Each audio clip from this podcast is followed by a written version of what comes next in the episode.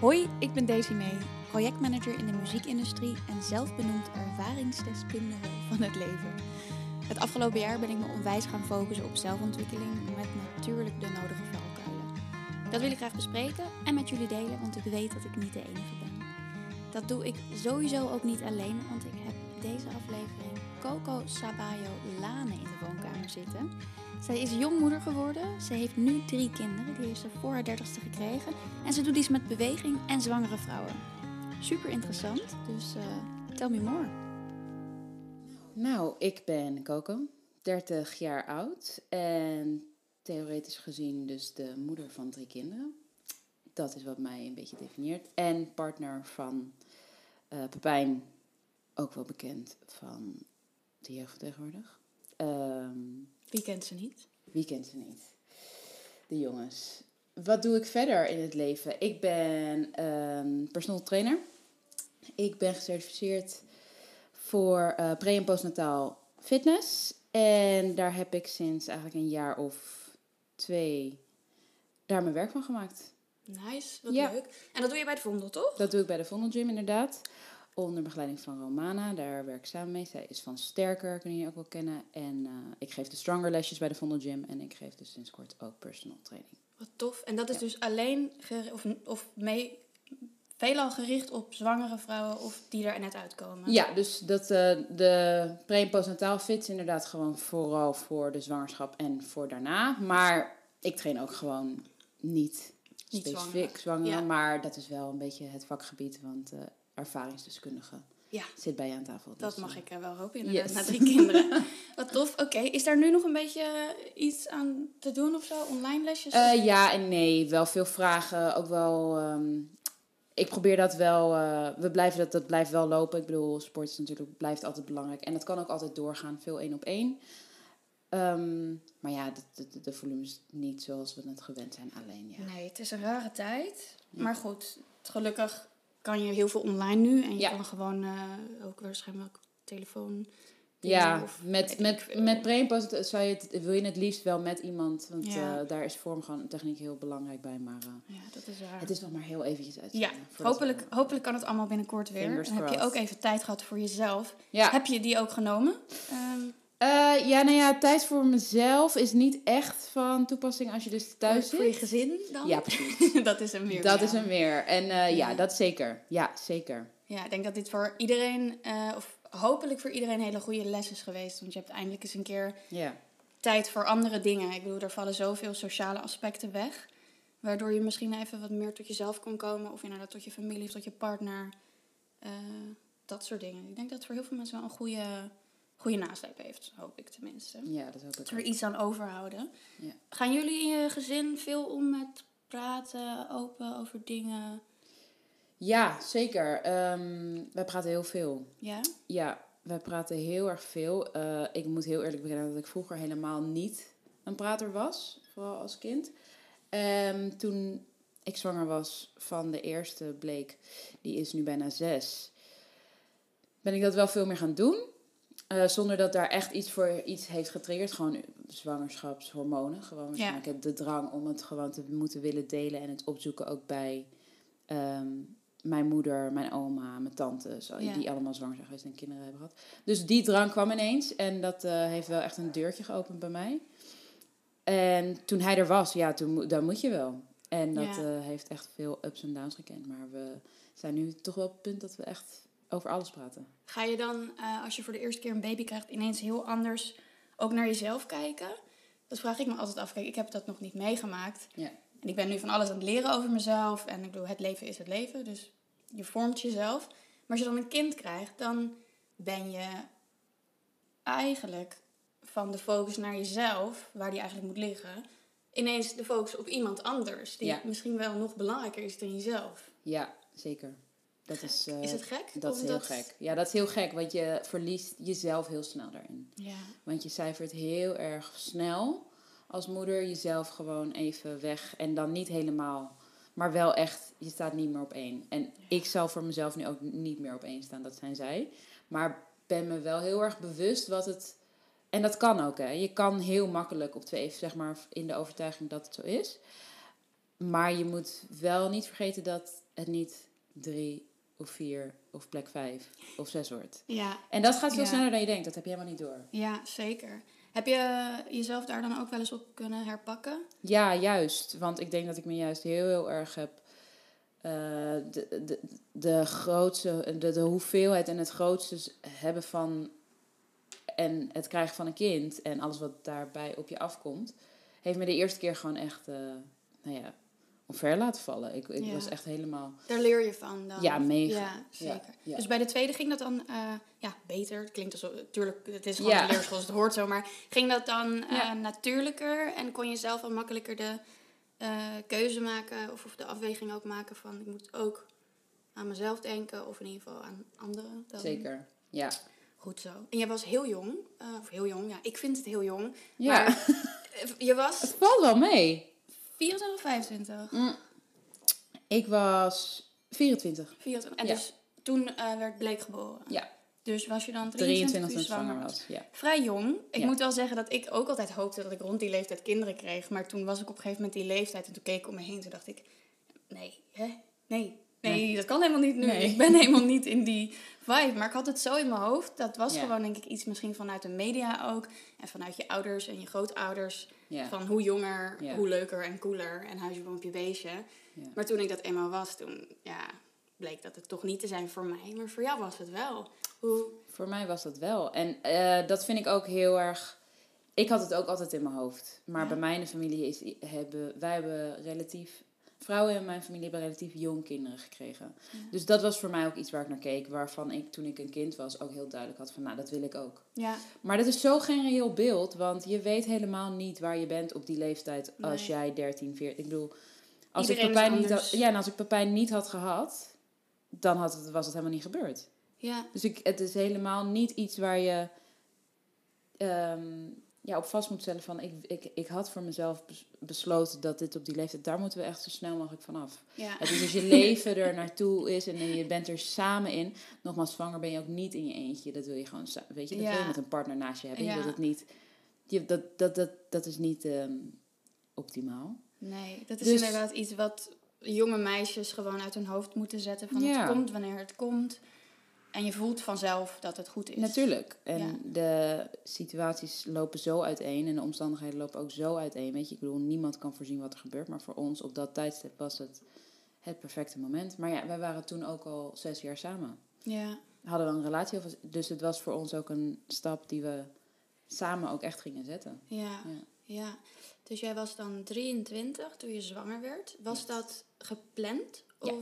Oh ja, dus je was al gestopt met eh voorboedsmiddelen. Eh, ja, ik was gestopt met anticonceptie. En sterker nog, we zouden het volgens mij eerder proberen. Maar toen had ik een soort cold feet. Toen dacht ik echt, nee, ik moet echt van alles doen. En toen dacht ik, wat ging ik precies doen?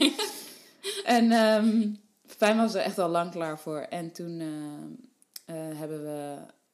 Ja, dus dat was heel bewust. Ja, toen is er wel...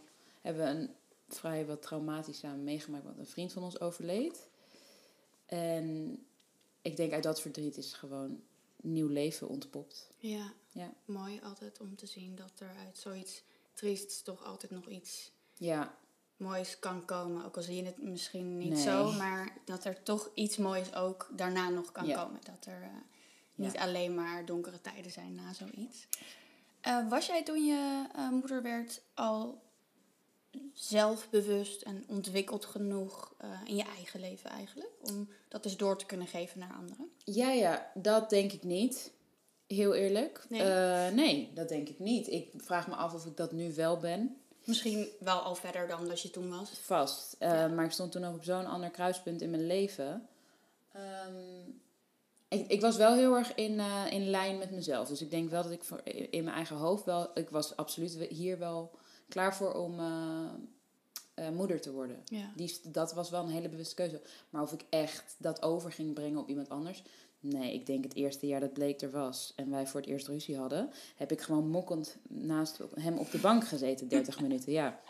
Toen kwam Pepijn ook binnen en die kreeg ook slappe lach. Hij zei, wat ben je aan het doen? Ik zei, ja, we hebben ruzie. En dan praten we gewoon niet. Dus ja, en dan heb je een kind, zeg maar. Ja. Dus dat is gewoon echt wel iets waarin je meegroeit. Ja, gaandeweg leer je dat. Ja, zeker. Oh, wat grappig. Ik zie het ook helemaal voor me. Ja, het was ook heel hilarisch. Je was, eh, je stond natuurlijk vrij eh, ja, jong, turbulent, lekker aan het leven. Want je woont in Amsterdam, dus je is altijd superveel gaande. Ehm, volgens mij kom je ook wel een beetje uit, zitten we ook wel een beetje zo in diezelfde scene, allebei een andere hoek. Maar die scene was vroeger wel ook heel veel uitgaan. Veel eh, openingen, feestjes, verjaardagen. Altijd in stad, altijd op straat. Jij zat daar toen, denk ik, een beetje middenin. Ja. Hoe was dat, dat jij daar dus eigenlijk uit ging stappen? Ja, ik heb het dus nooit er zo gezien als er uitstappen. Dat is een beetje het ding. Ik was... ehm, ik heb mijn glorieuze DJ-hoogtijjaren met mijn beste vriendin gehad als DJ-duo. En dat was eh, te gek. Dat Ja. was echt te gek. Alleen eh, toen ik zwanger werd, heb ik dat nooit gezien als een soort eh, drempel of zo. Ik had, ge- ik, ik, sterker nog, ik stond zwanger van Bleek, heb ik, eh, had ik een mega drang om te dansen met iets van zes maanden of zo. Stond ik zo met die buik in de zoet. Dat iedereen ook echt zo, wat ben je Ik zei, ja, alsof ik nu niks meer mag. Nee, nee, is ook niet zo. Dus dat is, dat, dat, Is dat een misvatting? Dat mensen soms zeggen dat wanneer je dan zwanger raakt, dat je een beetje uit de groep raakt en dat je er niet meer bent? Eh, nee, dat denk ik niet. Ik denk niet dat dat een misvatting is. Ik denk dat het wel iets is dat je moet checken hoe je omgeving daarin staat. En mijn omgeving en mijn vangnet aan vrienden en familie en iedereen die ermee betrokken was, die, was, die is gewoon solide. Die is gewoon steady. Ik was niet de eerste die er soort van buiten viel, om het maar zo te zeggen. Weet je, het werd gewoon omarmd. Het, het was meer een... Er werden meer grapjes gemaakt. Oh ja, je kan eerst even, je kan weer drie maanden, ben je dan even eruit. Of weet je, het is, het werd, het werd zo'n natuurlijk ding van, ja, dan heb je gewoon maar een kind erbij, maar het is meer leven, meer zielen, meer. Ja, ja. Ja. En zo wordt het denk ik nu ook wel gezien. Want ik neem aan dat je nu meerdere vriendinnen allemaal om je heen hebt met kinderen. Ja, zeker. En is het gewoon één grote familie. Iedereen bij elkaar. Ja. Ja, wat gezellig. Eh, heb jij ehm, je, je carrière die je dus voordat je zwanger was, was dat ook eh, sport? Nee, dat was eigenlijk iets heel erg anders. Ik kom eh, oorspronkelijk uit de detailhandel. Ik heb heel lang in de mode-industrie gewerkt. Oh ja. Ik, heb, ehm, ik ben begonnen ooit bij Patta. Daar heb ik vijf jaar gewerkt.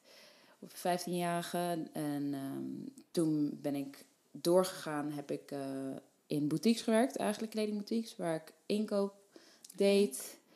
Ehm, bij winkel in de Utrechtstraat, Stand Geneuf heette die toen. Toen hebben we de Marc Jacobs Oh ja. winkel. Dus het was allemaal heel erg mode gerelateerd. Dus nee, sport is echt een hele andere wending, maar een hele organische Het is overgang geweest. Want Ja. bewegen is best wel belangrijk voor jou, als ik het zo hoor. Dat is echt wel een... eh, ik zie ook vaak van die filmpjes op Ja. je Insta dat je... Bewegen is heel belangrijk voor mij. ja, zeker. Is dat een manier om je, om je hoofd te legen? en Ja. Om, eh, Absoluut. Dat is echt mijn therapie. ja? Ja, het is echt therapie. Ja, toch gek om. Dat vind ik ook inderdaad. Ik moet zeggen dat ik er soms nog wat ja, last. Ik vind het lastig om motivatie te vinden in bepaalde tijden, maar bepaalde momenten weer wel. Dus ja, ik, Ja. ik heb er nog een beetje ha- haat-liefde verhouding mee, maar ik voel hetzelfde. Maar het is zo gek dat dat eigenlijk niet de nummer één boodschap is, eh, samen met voeding dan misschien van. Ga voor jezelf zorgen, want het is zo goed voor je. Of ga even naar buiten. Of ga eh, even hardlopen of dat soort dingen. Dat we daar, eh, daar was in het begin van de lockdown was daar ook zoveel geluid over online dat dat niet als allereerste werd gezegd. Terwijl het zo belangrijk is. Ja, mega. Ik, eh, ik sluit me er helemaal bij aan. Het is eigenlijk bizar.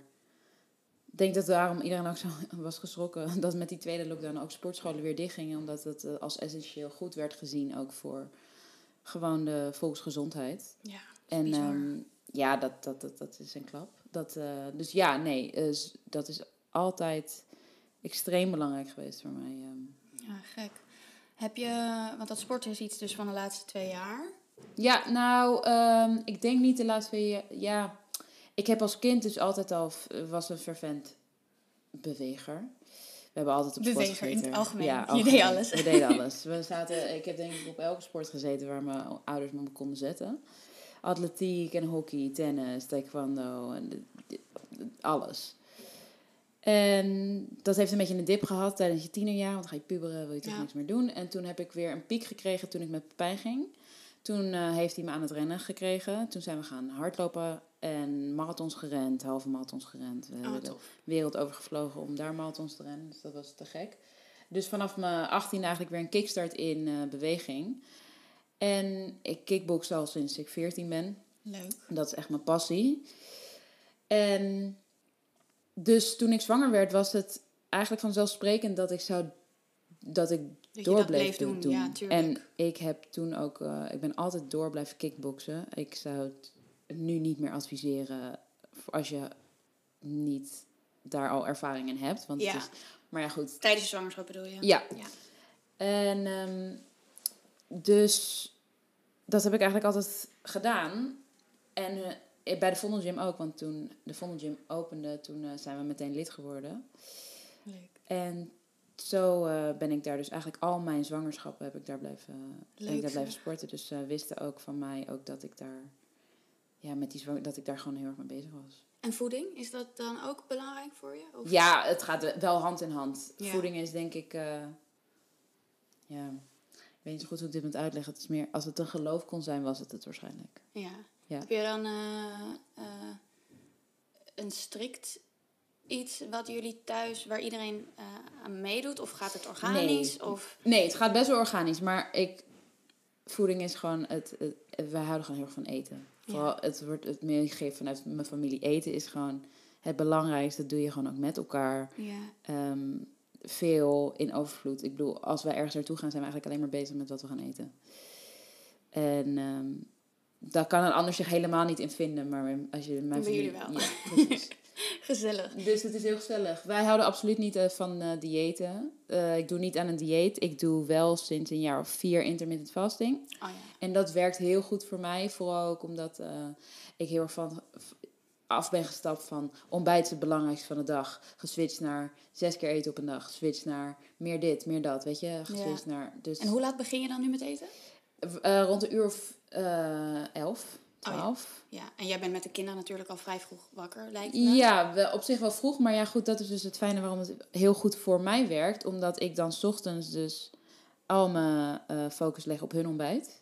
Zo voedzaam mogelijk klaar te maken. En dan drink ik gewoon thee of koffie. Ja. En dan ga ik sporten en dan ontbijt ik. Oh ja. Ja, nou goeie. Ik hoor het inderdaad heel veel mensen om me heen die het doen. En volgens mij doe ik het zelfs onbewust ook wel vaker of Ja. zo. Het is makkelijker inderdaad om het ontbijt te skippen. Ja, Avondeten ga je niet skippen, want Nee. dat anders. Maar ontbijt gaat vaak organisch inderdaad. ja.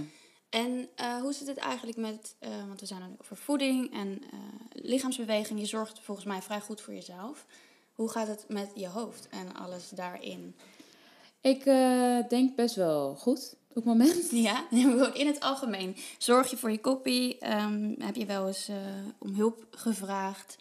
Eh, ben je bijvoorbeeld wel eens bij een psycholoog geweest of een coach? Of eh, ik noem maar wat, je hebt zoveel tegenwoordig. Ja, je hebt alles tegenwoordig inderdaad. Eh, ik heb zeker wel eens bij psych ik heb bij meerdere psychologen vroeger gelopen. Gescheiden ouders, dus als jong Ja. kind daar al vrij jong mee moeten dealen. Dus ik denk dat, dat de mentale gezondheid toen ook al. Ja, dat, dat, dat wordt gewoon dan een ding. Dat wordt Ja. al iets waar je bewust van wordt op jonge leeftijd of zo. Nou, heel goed vind ik dat. Ja. Eh, Eh, ging dat- dat vanuit je ouders? Eh, of vanuit een soort van mediator Ja. of bemiddelaar? Ja, persoon? vanuit mijn ouders in het begin. En daarna ook echt zelf doorgezet op eigen initiatief. En dat was heel erg fijn. Ik heb daar heel veel aan gehad. Ik bedoel, het, zijn er meer, het waren er meer dan ik eigenlijk had gehoopt. Maar een klik vinden is ook belangrijk. Is lastig ook, ja. En lastig, dus dat, dat is het enige. En verder, wat doe ik nu? Ja, ik, het valt me nu eigenlijk best wel goed eigenlijk. Ehm, maar dat komt ook gewoon omdat ik veel meer ben gaan praten aan zich. Met je omgeving, gewoon, Ja. met de mensen om je heen. Ja, Ja. dat is ook heel belangrijk. Ik denk ook als je dat bijvoorbeeld niet meekrijgt van je familie... of eh, ja, je hebt best, misschien best wel veel oppervlakkige relaties met je vrienden... dan zal je sneller tegen de lamp lopen dan dat Ja. je jezelf opent. En Ja. misschien, dat weet ik wel zeker, ja. ja, En met het krijgen van kinderen gaat ook automatisch een soort eh, knop aan in je hoofd. Want je kijkt gewoon heel erg terug naar je eigen ouders. Ja.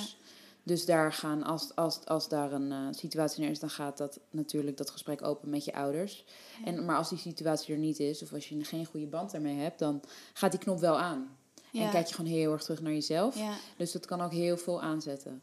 Ja. Ehm, dus dat moet echt, dat, dat is wat kinderen wel ook meebrengen. Ze brengen echt een laag naar laag naar laag aan andere openbaringen van ja. en naar. Dus het is wel echt. En jouw kinderen vinden die, ja, ze zijn natuurlijk nog vrij jong, eh, allemaal. begrijpen die nu al een beetje wat dat is om zich te uiten en ehm, wat voor effect dat dan heeft op hun ja, welzijn en hoe ze zich voelen? Of zijn ze daar nog te jong voor? Nou, dus de jongste is één, de middelste is drie en de oudste is dus vijf. Die wordt bijna zes. Ja. En die van vijf begrijpt het heel goed hoor. Ja? Ja, die weet ook, die is ook. eh, ja, hij heeft, ook, er- hij heeft er ook echt voor gezorgd dat ik veel meer ben gaan praten op een bepaalde manier. Omdat hij daar gewoon behoefte aan heeft. Ja.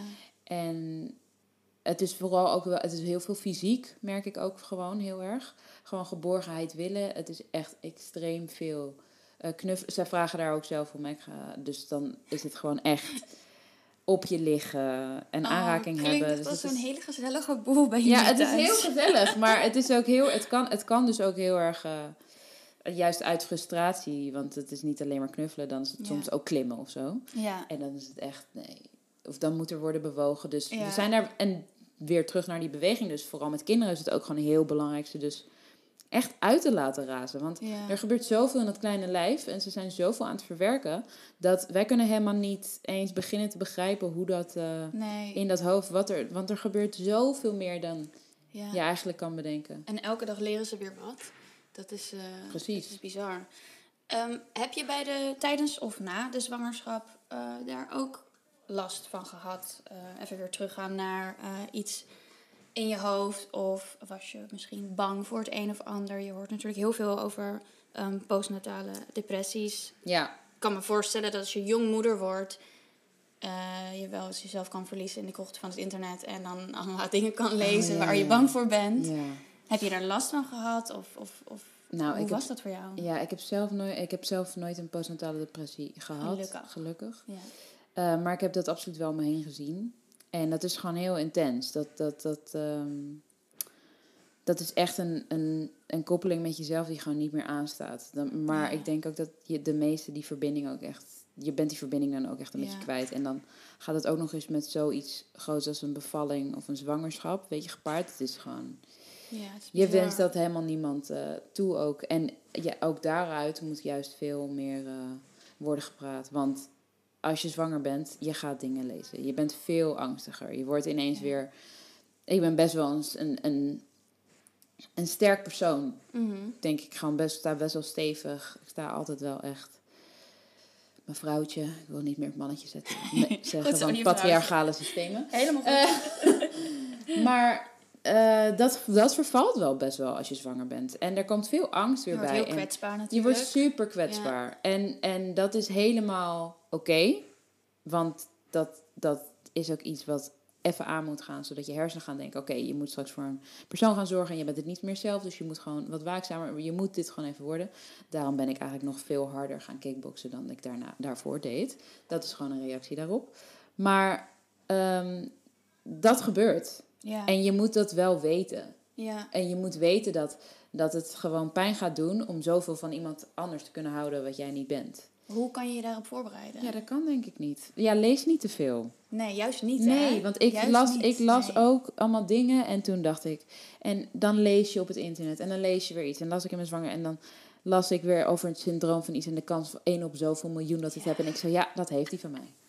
Zo van, ik had hem nog niet eens ontmoet. Hij zat nog in mijn buik en dan- je, je denkt dat. Ja, je Doe weet het. helemaal niks. Nee, Bizar. Weet je, praat veel met vrouwen om je heen. ehm, met je moeder, met je even oma's. Met je, weet je, vraag hoe hun zwangerschap was. Ja. Want ook heel belangrijk is weer de lijn in je familie om te zien hoe die bijvoorbeeld een bevalling heeft gehad. Of, is, of als er keizer. En ook juist als er depressies in de lijn van je familie zitten. Dat je weet dat dat Zou kunnen komen. zou kunnen. Ja. En eh, wees daar gewoon ehm, wat, eh, weet je, daar kan je wel over inlezen. Maar ga alsjeblieft je intuïtie, ga, vertrouw daarop. Ja. Ja, Het is belangrijk om te voelen en om te, te leren naar jezelf te luisteren. ja. Maar dat is een, een lastige. Dat Ja. is ook iets wat je moet leren. Nee, absoluut.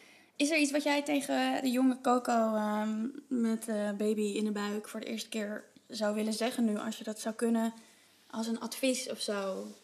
Want nu ja, kijk je daarop terug, nu weet je hoe je Ja. hebt eh, gehandeld, nu weet je hoe het allemaal is gegaan. Is er iets wat je tegen jezelf zou willen zeggen?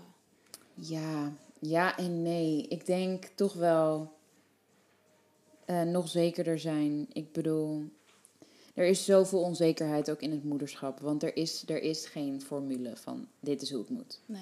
Dat is er gewoon niet. Elk kind is anders. Elk persoon is, weet je, iedereen is anders. Jij bent anders, jij verandert, jij evolueert, zij evolueren. Dus ik, ik zou niet.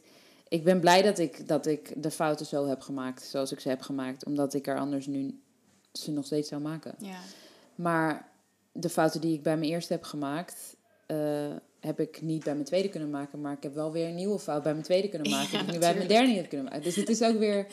Ik zou wel willen zeggen, wees, wees zekerder. En ik had wel zeker aan de jongeren, ik willen zeggen dat, ik, dat je je absoluut niet moet verkijken op eh, het proces na de bevalling.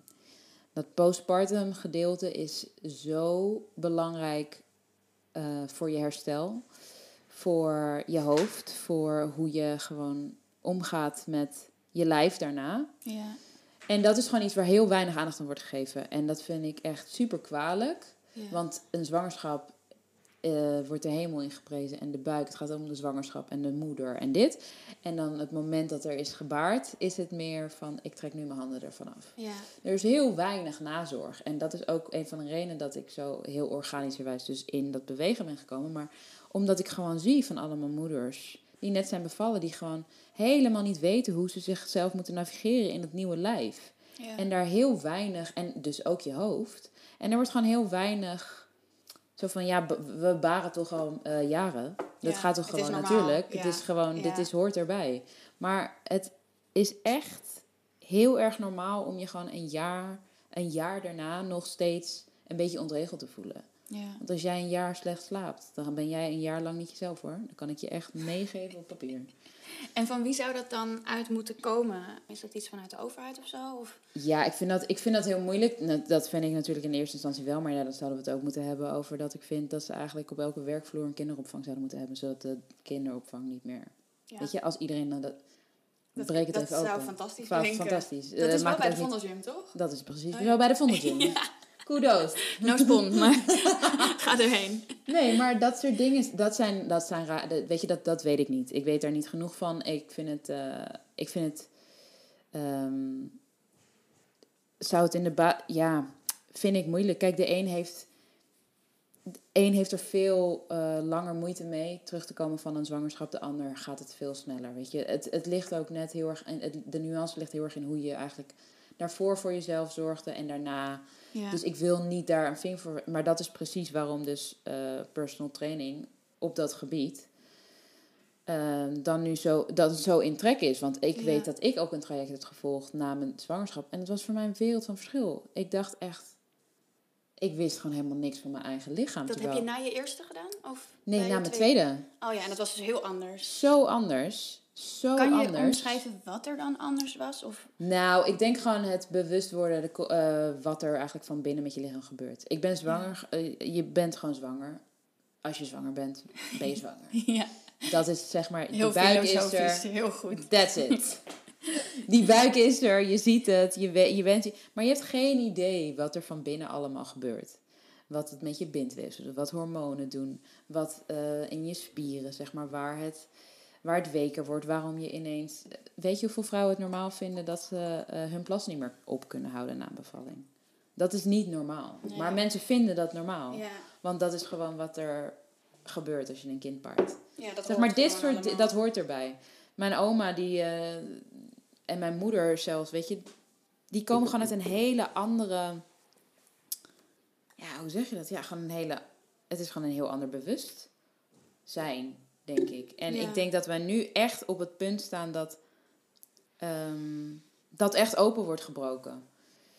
Dat er meer vraag naar is ook. Ja, en ook dat, nou ja, dat mensen het ook gewoon willen weten, dat het eindelijk willen weten. Het is toch eigenlijk te bizar dat ik, eh, dat ik niet weet hoe mijn kind. Ja, dat.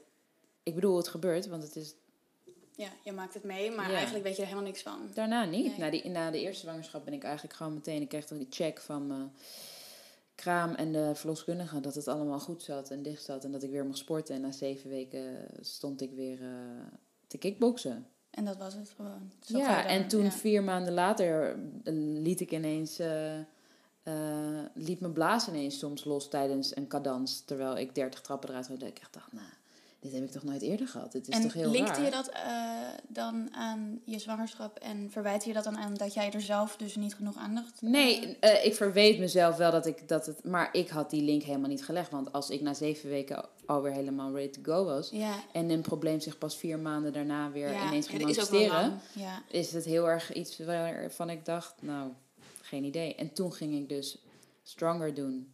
Klasjes. En toen kwam je erachter En dat toen het kwam ik achter van alles. En toen kreeg, ging ik een personal trainingstraject met Romana volgen. En toen dacht ik echt, mijn god. Gek, daar gaat dan gewoon zo'n wereld open die je niet, eh, Ja, waar je niet van weet.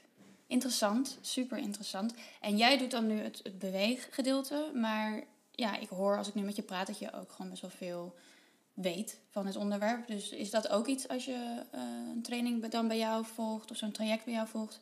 Dat het niet alleen maar oefeningen is, maar ook gewoon kennis of zo? Of is het ja echt alleen ik, oefeningen? vind ik dus wel ook heel moeilijk. Het is wel een hele fijne lijn die je maakt. Kijk, ik hou er heel erg van om met eh, eh, moeders of zwanger... Ik, heb, ik praat altijd zoveel met mijn vriendinnen en ik, ik geef graag... Ik bedoel, ik, ik, ik ben wat dat betreft een ervaringsdeskundige, dus Ja. ik, ik heb me er gewoon over ingelezen. Maar, ehm, en ik, ik weet veel omdat ik veel praat. Dus ik, Ja. ik deel met alle liefde alle informatie die ik heb. Ja. Maar ik vind het wel heel moeilijk om dat met een, met een eh, personal training traject. Je moet altijd een beetje een soort grens aanstellen. Kijk, ik ben geen therapeut. Nee, je bedoelt meer van, je, je weet het wel uit ervaring, maar Ja. je hebt het niet professioneel onderbouwd, wetenschappelijk Dat onderbouwd. kan ik niet. Ik kan alleen maar delen met wat ik weet, wat Ja. ik voel. En dat is Dat ook absoluut de klik waarbij eh, ik de klanten aantrek, want we zitten in hetzelfde.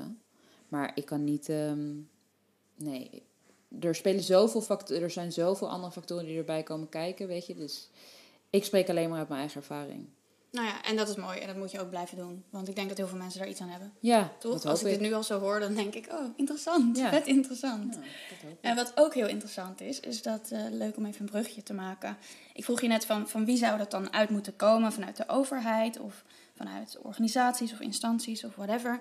En zelf ehm, ben ik naar aanleiding van deze aflevering een beetje gaan zoeken op internet van wat is er eigenlijk qua informatie rondom eh jong moeder worden of bijvoorbeeld een kindje verliezen.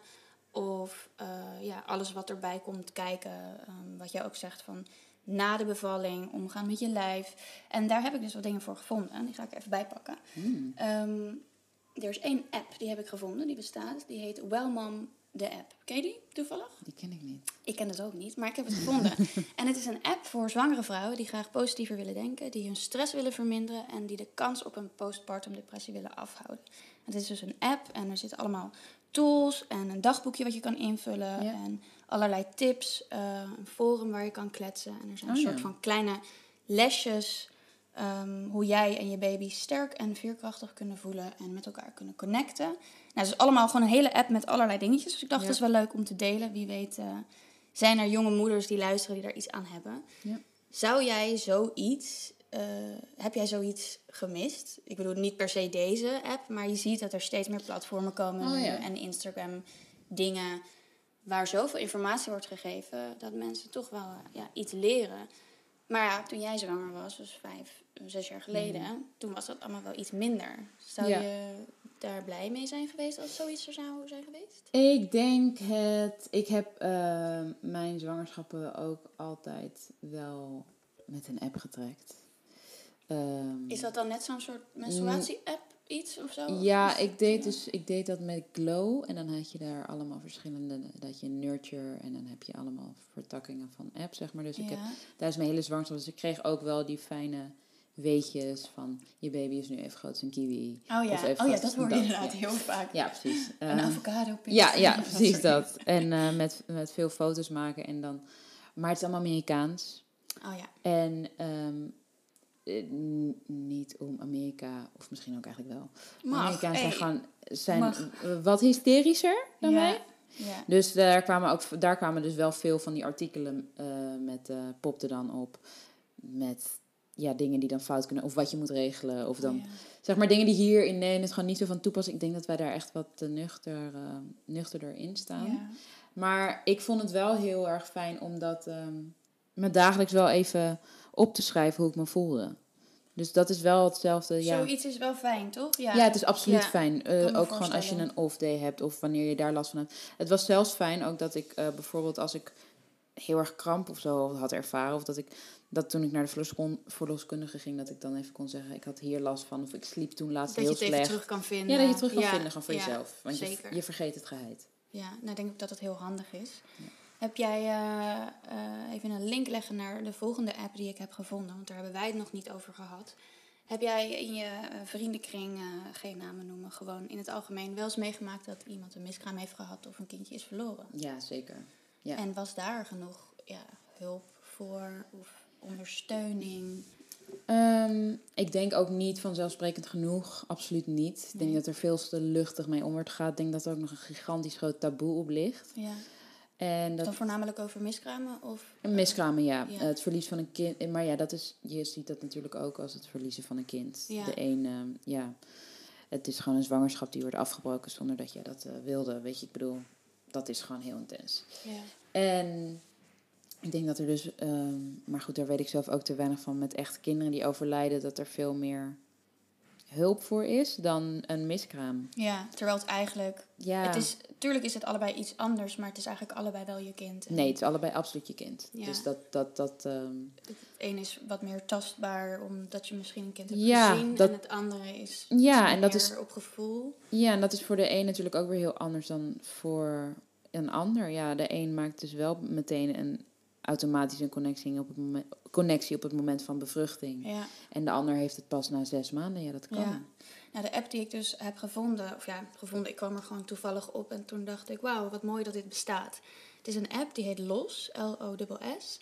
En het is dus een app voor als je je kindje bent verloren tijdens de zwangerschap, rond de geboorte of kort daarna. Ja. En er worden heel veel eh, filmpjes staan erop met vrouwen die hun ervaringen delen. Ook weer eh, ja, een soort van mentaal dagboekje wat je bij kan houden. Eh, foto's die je kan delen. eh, ademhalingsoefeningen die je kan doen. En vragen die je zelf kunt stellen. Dat vond ik zoiets moois dat ik dat zag. Want inderdaad, er wordt niet veel over gepraat. En de laatste jaren misschien wel weer meer. Ik zag eh, een maand geleden, of misschien alweer twee maanden geleden, zag ik ehm, eh, bij BN'ers of BN'ers, bij internationale celebrities, zie je dat natuurlijk altijd wat meer, want ja, die worden onder een vergrootglas gelegd. Maar ehm Chrissy Teigen, die had toen heel heftig, geloof ik, bij de geboorte, of ik weet het niet meer Nee, precies. vroeggeboorte. Dus, Vroeggeboorte, ja. Dus een doodgeboren kindje, te vroeg. En die deelde dat met de wereld met een eh, ja, vrij heftige foto's, maar heel mooi en heel intiem en heel kwetsbaar.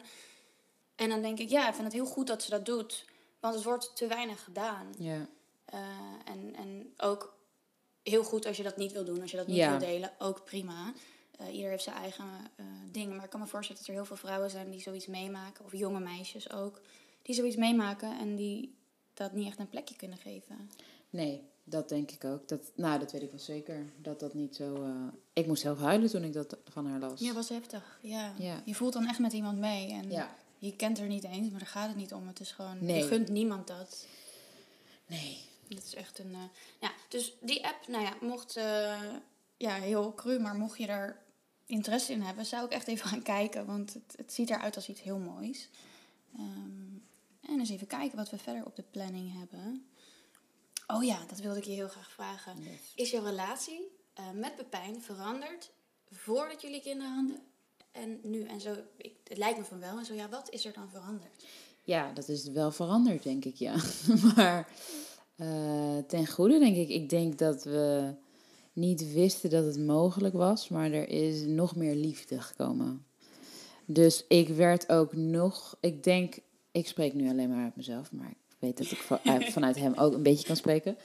Eh, ik ben alleen maar verliefder geworden toen hij vader werd. Oh, wat fijn. Ja, het was een soort. Dat, ehm, ja, dat hormoon komt vrij. Ja, hem met ons, onze kinderen zien, dat geeft een soort boost. Dat is echt. Dat is, ja, dat is niet van deze aarde, denk ik. Dat wat het- fijn. ja, dus dat, ehm, dat geeft het wel echt.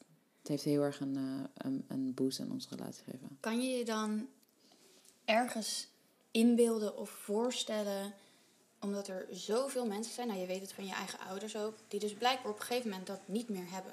Er gaat iets mis in de relatie, of er gebeurt iets, of je houdt gewoon niet meer van elkaar. Kun je dat überhaupt voorstellen als je zoveel dus nu van Pepijn houdt en het eigenlijk gewoon goed zit, dat dat misschien dat dat bij sommige mensen dus er niet meer is? Ja, ik vind dat ik ja, voor nu kan ik het ja, ik kan het uit mijn eigen ervaring dus nu niet spreken, maar ik kan het ik, ik zie het gewoon gebeuren, weet je? Ik heb het zelf meegemaakt. ehm, en toen was ik een kind, dus vanuit een heel ander perspectief natuurlijk dan waar ik zelf nu sta. Maar ik zie het om me heen ook nu gebeuren, weet je wel. Ja. Ja, natuurlijk kan het. Het is gewoon, het is ook hoe ik me nu voel tegenover hem. En niet denken dat ik nu de, elke dag super kwijnend naar hem sta te kijken omdat ik zo verliefd op hem ben. Ik kan hem echt Zo'n beeld hebben we nu wel ja, van je, hè? Ik kan hem wel achter het behang plakken vaak. Want we irriteren elkaar natuurlijk ook gewoon mateloos. Ja. En daarnaast hebben we ook drie kinderen waar we de hele tijd aandacht aan geven. En je vergeet elkaar dus ook heel snel weer. Ja. Net zoals dat je in het begin jezelf heel erg kan verliezen, kan je ook heel snel elkaar verliezen bij de komst van kinderen. Dus daar moet je echt ehm, je ook heel bewust van zijn. En Pepijn en ik hebben dus, toen ik zwanger was van de derde, dus zijn we met z'n tweeën weggegaan. Hebben we de kinderen ondergebracht bij familie. Dat was nog allemaal pre-corona, uiteraard. en dat was echt niet normaal. Het was, ik had Weer even gedacht- elkaar terugvinden. ja, we waren Ja. gewoon een, een, een- Het voelde, het was in totaal dus zeven dagen, maar we waren gewoon met z'n tweeën. En dat was zo'n fijne validatie van dat we nog steeds heel erg met elkaar het dus heel erg leuk. Want al het leuks, dat projecteren we gewoon op onze kinderen. En doen Ja. we gewoon als gezin met elkaar. Ja, natuurlijk. En je, je hoort toch ook super vaak, of dat zie je dan heel vaak in films of zo, dat een, een stel dan al vijf jaar getrouwd is, die kinderen gaan uit huis en ze gaan uit elkaar. Omdat ze ineens weer samen zijn in een huis. Die kinderen zijn allemaal het nest verlaten. Omdat ze dat niet meer gewend zijn en Nee, dat ze en misschien dat ze elkaar elkaar ontgroeid zijn. elkaar misschien niet meer leuk vinden, maar ook Ja. nooit meer de tijd hebben genomen om elkaar, ja, om Ja. echt iets met elkaar te doen. Is, dat, is dit dan nu gewoon een tip die je ook meegeeft aan, Zeker. eh, ja, aan moeders gewoon in het algemeen? Dat Moeders, zou, ik zeker, gezinnen? dat zou ik zeker doen. Je moet zeker, want mijn vader heeft toen ook. eh, eh, ik zat, ik moet heel erg bekennen, ik was zwanger. Ik zat, er, ik zat er niet op te wachten om eigenlijk mijn kinderen achter. Het liefst niet. Was het moeilijk? Ja, super Moest je moeilijk. huilen? Natuurlijk. Oh. Eh, vreselijk vind ik het. Moesten zij ook huilen? Nee, helemaal niet. Voelde je daardoor? Ja, Voelde je iets? ja, ik dacht ook echt super bedankt. Even FaceTime dus ook op locatie. En toen was het ook echt, waarom bel je eigenlijk? Ik zo, huh? Ja, dat is super. Kinderen zijn te gek. Ehm, maar mijn vader zei toen eh, tegen mij, ik ben zo trots op dat jullie dit doen. Want het is zo belangrijk dat jullie ook tijd voor... En jullie maken het ook. Hij zei dat. Het kwam zo bij mij binnen dat ik echt dacht, wow. Huh? Het, want het, het, het voelde als iets vanzelfsprekends dat we deden. Ja. Maar het is toch echt iets wat ehm, vanuit zijn kant, hij zei ook, ik vind het zo goed hoe jullie het doen. Want Ja. je moet ook je eigen relatie gewoon, je moet dat ook onderhouden. We Ja. hebben ook gewoon date night één keer in de week. Ook nu in deze rare tijden als die kinderen. ja. Juist we in er- deze rare Ja, tijden. Weet je, we maken er wat van. Ja.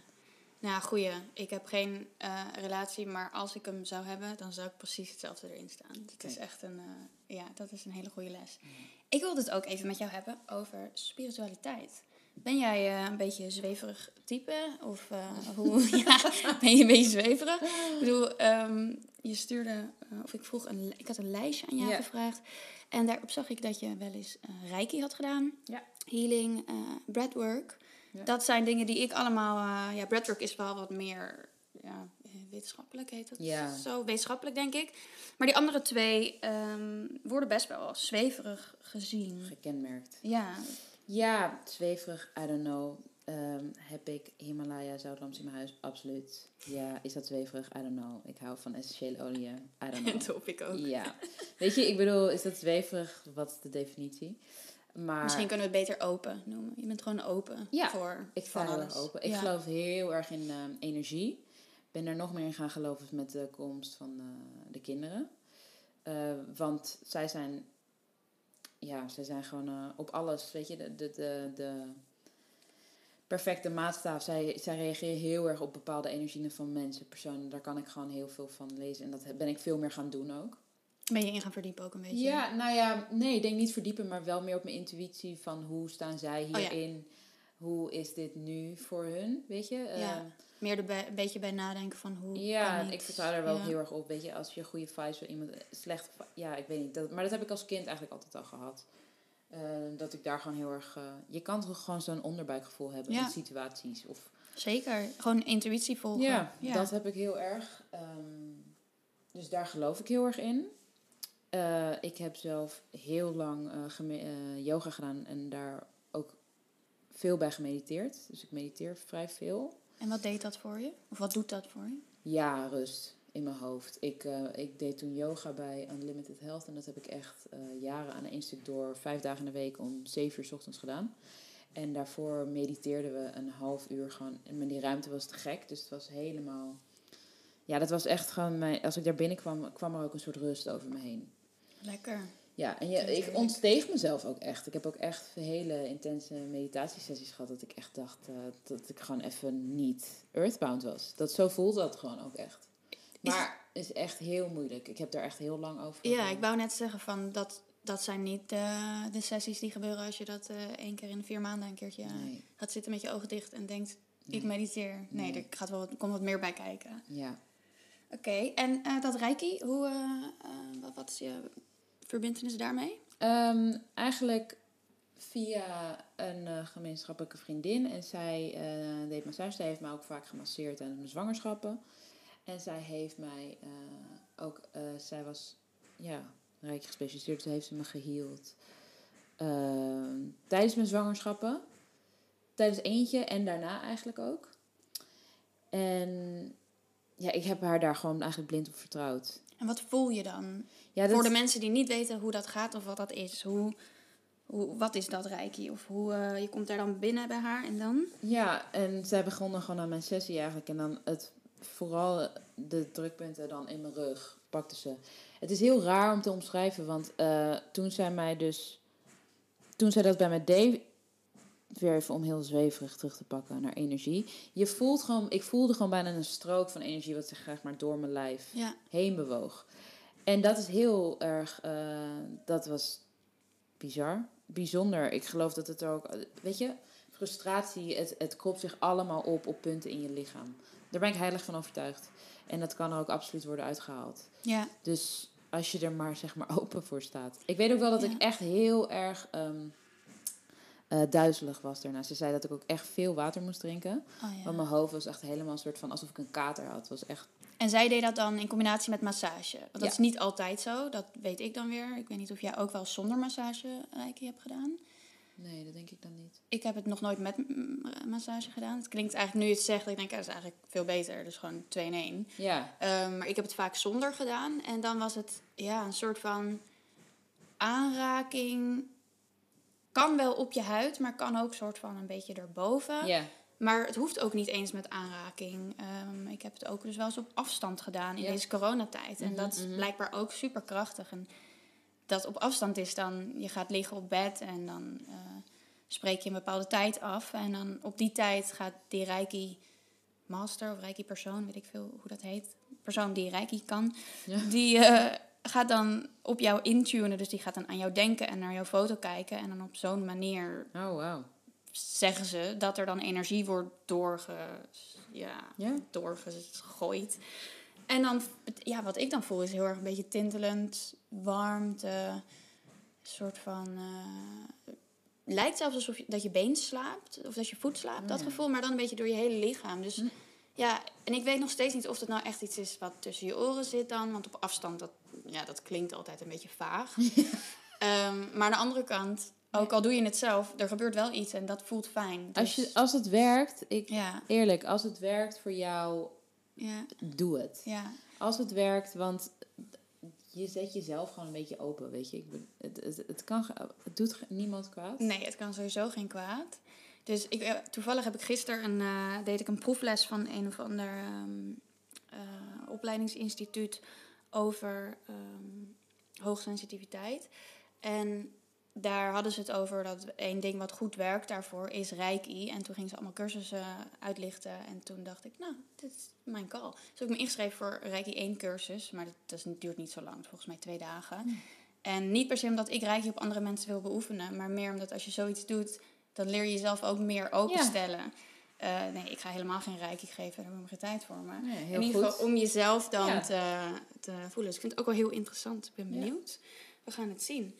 En dan kan ik meteen een mooie brug maken naar uh, hoogsensitie TV. HSP. Uh, Ja. Officiële benaming is High Sensitivity Person. High Sensitive Person. Ja. Jij hebt daar, eh, je hebt het aangekruist. Wat, eh, Ja, eh, omdat dus mijn zoontje daar oh, licht onder valt. en hoe, hoe eh, oh, dat, is, dat had ik helemaal niet verwacht. Ik dacht misschien ben jij het zelf. Dan Nee. lijkt het makkelijker, want je kan over jezelf, je, je kan alles over jezelf oordelen en vertellen. En Ja. jij weet dat het beste. Maar dit is dus over iemand anders, Ja. die jij natuurlijk heel goed kent. Dus dat, ja, dat kan niet maar anders. ik, ik niet zelf ben. Ja, nee, dat... ehm, hij is dus eh, best wel... Ik denk niet dat hij er echt... Hij valt er niet volledig over, maar hij, heeft- hij heeft zeker wel kenmerken ervan. Hoe merkte je dat? Of wat, Eh, wat merkte je? Ik merkte dat hij heel slecht kon tegen ehm, harde, geluiden, harde geluiden in eh, ruimtes. Dus heel veel stemmen door elkaar. Dat trok hij op een gegeven moment, toen hij een bepaalde leeftijd was, trok hij super slecht. En dat is best wel knap, want bij mijn familie, als je daar gewoon op de vloer bent, zijn het sowieso al twintig stemmen hè? bij elkaar. Dus ik dacht al, hè, waar komt dit vandaan? Je bent toch wel, je weet, vanuit de buik wist hij al een beetje hoe iedereen klonk, want daar kregen ze ook absoluut wel wat van mee. Maar ik merkte dat hij daar ineens, eh, en het was, toen was hij denk ik twee jaar oud, of misschien, ja, twee denk ik. En eh, daar reageerde hij heel erg op. En mijn oma zei ook, hij is echt heel erg, eh, hij is heel erg gevoelig voor, nou ja, bepaalde... Hij heeft gewoon, dat had hij gewoon. Ik merkte gewoon een paar, dat hij een paar van die kenmerken, die checkte Ja. die aan. En ik moet wel heel eerlijk zeggen dat hij het nu echt helemaal niet meer zo heeft.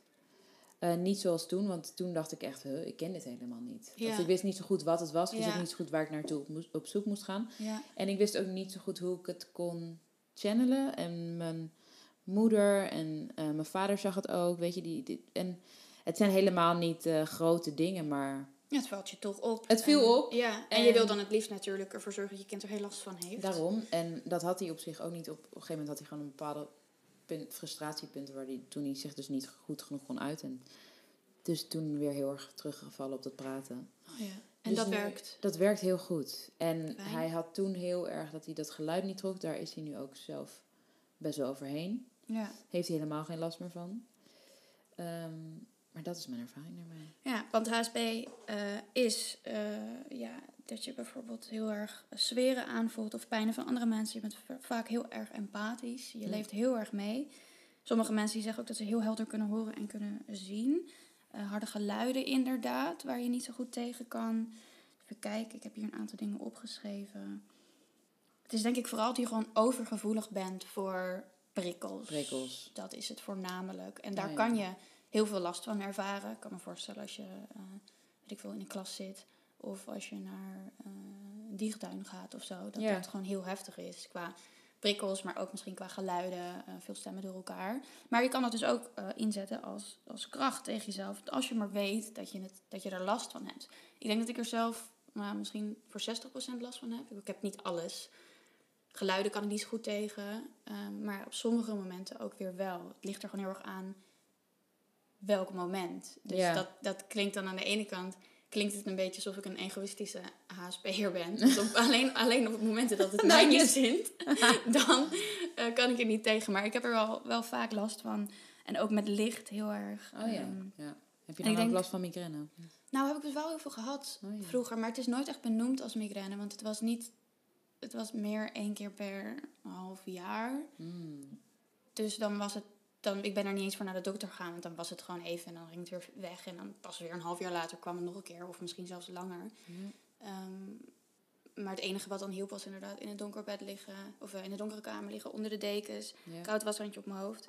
En nog steeds merk ik wel als ik onrustig ben of als ik niet kan slapen, dat dat de dingen zijn, eh, vastgehouden worden. eh, of een hand op je voorhoofd of een koud washandje. Dat dat de dingen zijn die me dan rustig maken.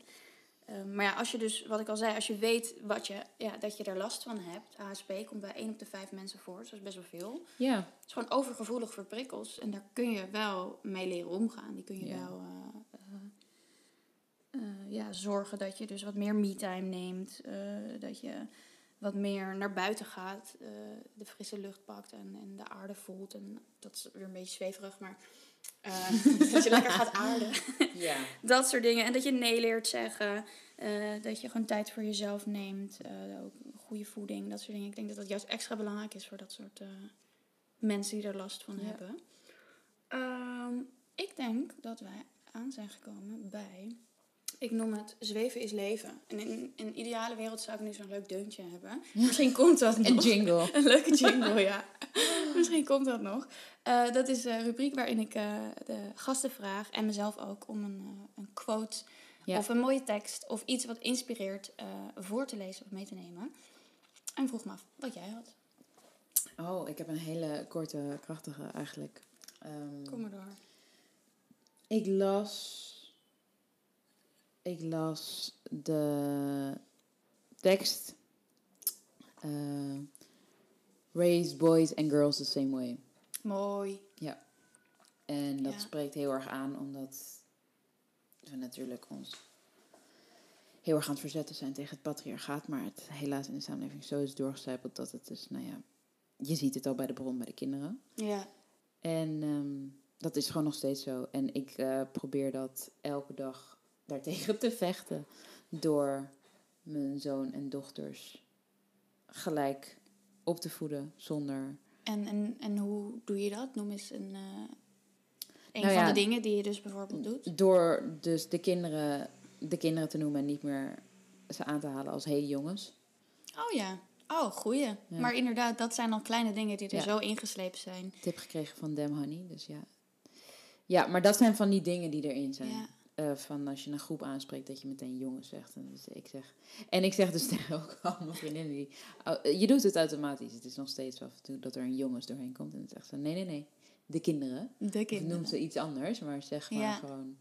Sta je daar heel erg voor? Ben je daar heel erg eh, mee Ja. bezig? Ook met dan... Ja, ik ben er wel heel erg mee bezig. Ook feminisme? Ja. eh, Zeker, thuis ook wel echt. En ehm, dat is natuurlijk ook altijd een hele mooie met kinderen. Want hoe meer ik me daar hard voor maak, of op een manier waarvan ik vind dat iedereen... Hoe meer... ehm, mijn dochters willen gewoon... eh, mijn dochter in ieder geval, die jongste is nog te jong. Maar mijn dochter van drie, die wil gewoon het liefst altijd in een roze tutu met panty en balletten. en nog niet Frozen kijken, maar wel heel erg dat ik zelf... Dat ik zeg, je kan toch ook een zwarte tutu hebben? En dan vindt de ro- toch roze mooier. En dan denk ik, ja, daar moet ik ook gewoon... Dat moet ook juist. Het, is het hele prinsessendilemma, ja. dat komt absoluut wel naar voren. Ik ben ook echt niet, eh, geen Disney-fan. Het is allemaal ook, te zwart-wit. eh, in ieder geval. ook, dat is het ook. Ja. En eh, dus we, daar zijn we gewoon heel erg aan het shiften. Maar ja, goed, gelukkig staat Pepijn is ook een overtuigend feminist. Dus dat werkt gewoon goed. Dus ik ben niet in mijn eentje. Goed zo. Fijn dat je inderdaad daar gesteund wordt door Ja. je Ja. partner. Exact. En bij jullie thuis is de energie ook wel vrij verdeeld. Want je hebt drie Ja. mei. Drie mei? Twee meiden. Ja, en dan ben je met jou, met jou erbij. Oh drie. ja, drie meiden. En Vergeet jezelf jongens. niet, ja, hè? Nee. Drie meiden, twee jongens. Ja, Ehm, dus dat zit wel goed. Dat, die, dat zit wel goed. Ja, of zijn eh de jongens heel erg eh, over aanwezig? Nee, helemaal niet. En eh, de jong, mijn jongens zijn de beste jongens die er zijn, want die zijn helemaal. ja, nee, het loopt inderdaad heel erg over. Ze zijn ook heel, heel lief, Fijn. fijn. Heel fijn. Ja. Ik had eh, ook een quote.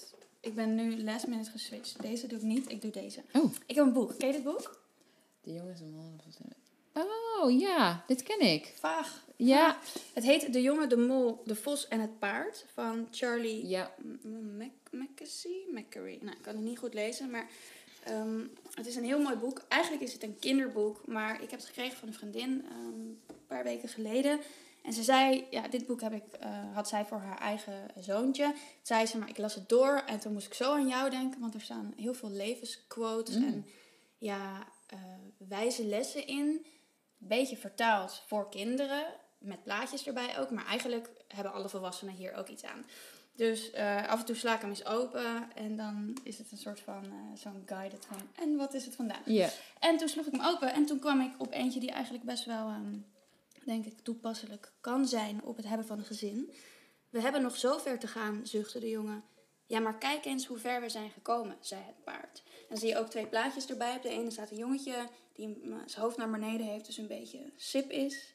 En op de andere is er dan eh, eh, het paard die dan een goed advies heeft van ja, maar kijk eens hoe ver we zijn gekomen.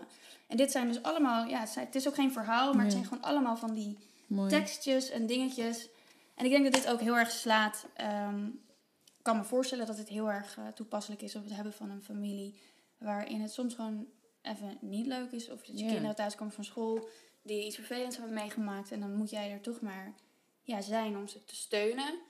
eh, of ze eh, te helpen. Of ze op te liften. En daarover te praten vooral. En dit is wel mooi, dacht ik. Heel mooi. Ja. Dus, eh, en zeker een aanrader om te kopen. Leuk. Heel leuk. Ja. En het volgende, dat is eh, een rubriekje. Zou ik ook weer een jingle voor willen. Mocht iemand zich heel voelen om een jingle te maken, eh, doe je ding. Dit is eh, huiswerk. Dat wil ik elke aflevering wil ik dat meegeven aan de luisteraars. Ehm, iets, een tip, een oefening, een product, een app, een boek. Ah. Waarmee de luisteraars een, ja, een fijner leven kunnen Hmm. Iets wat ze kan ondersteunen, wat ze kan helpen. Ehm, of iets waar je zelf heel veel aan hebt gehad.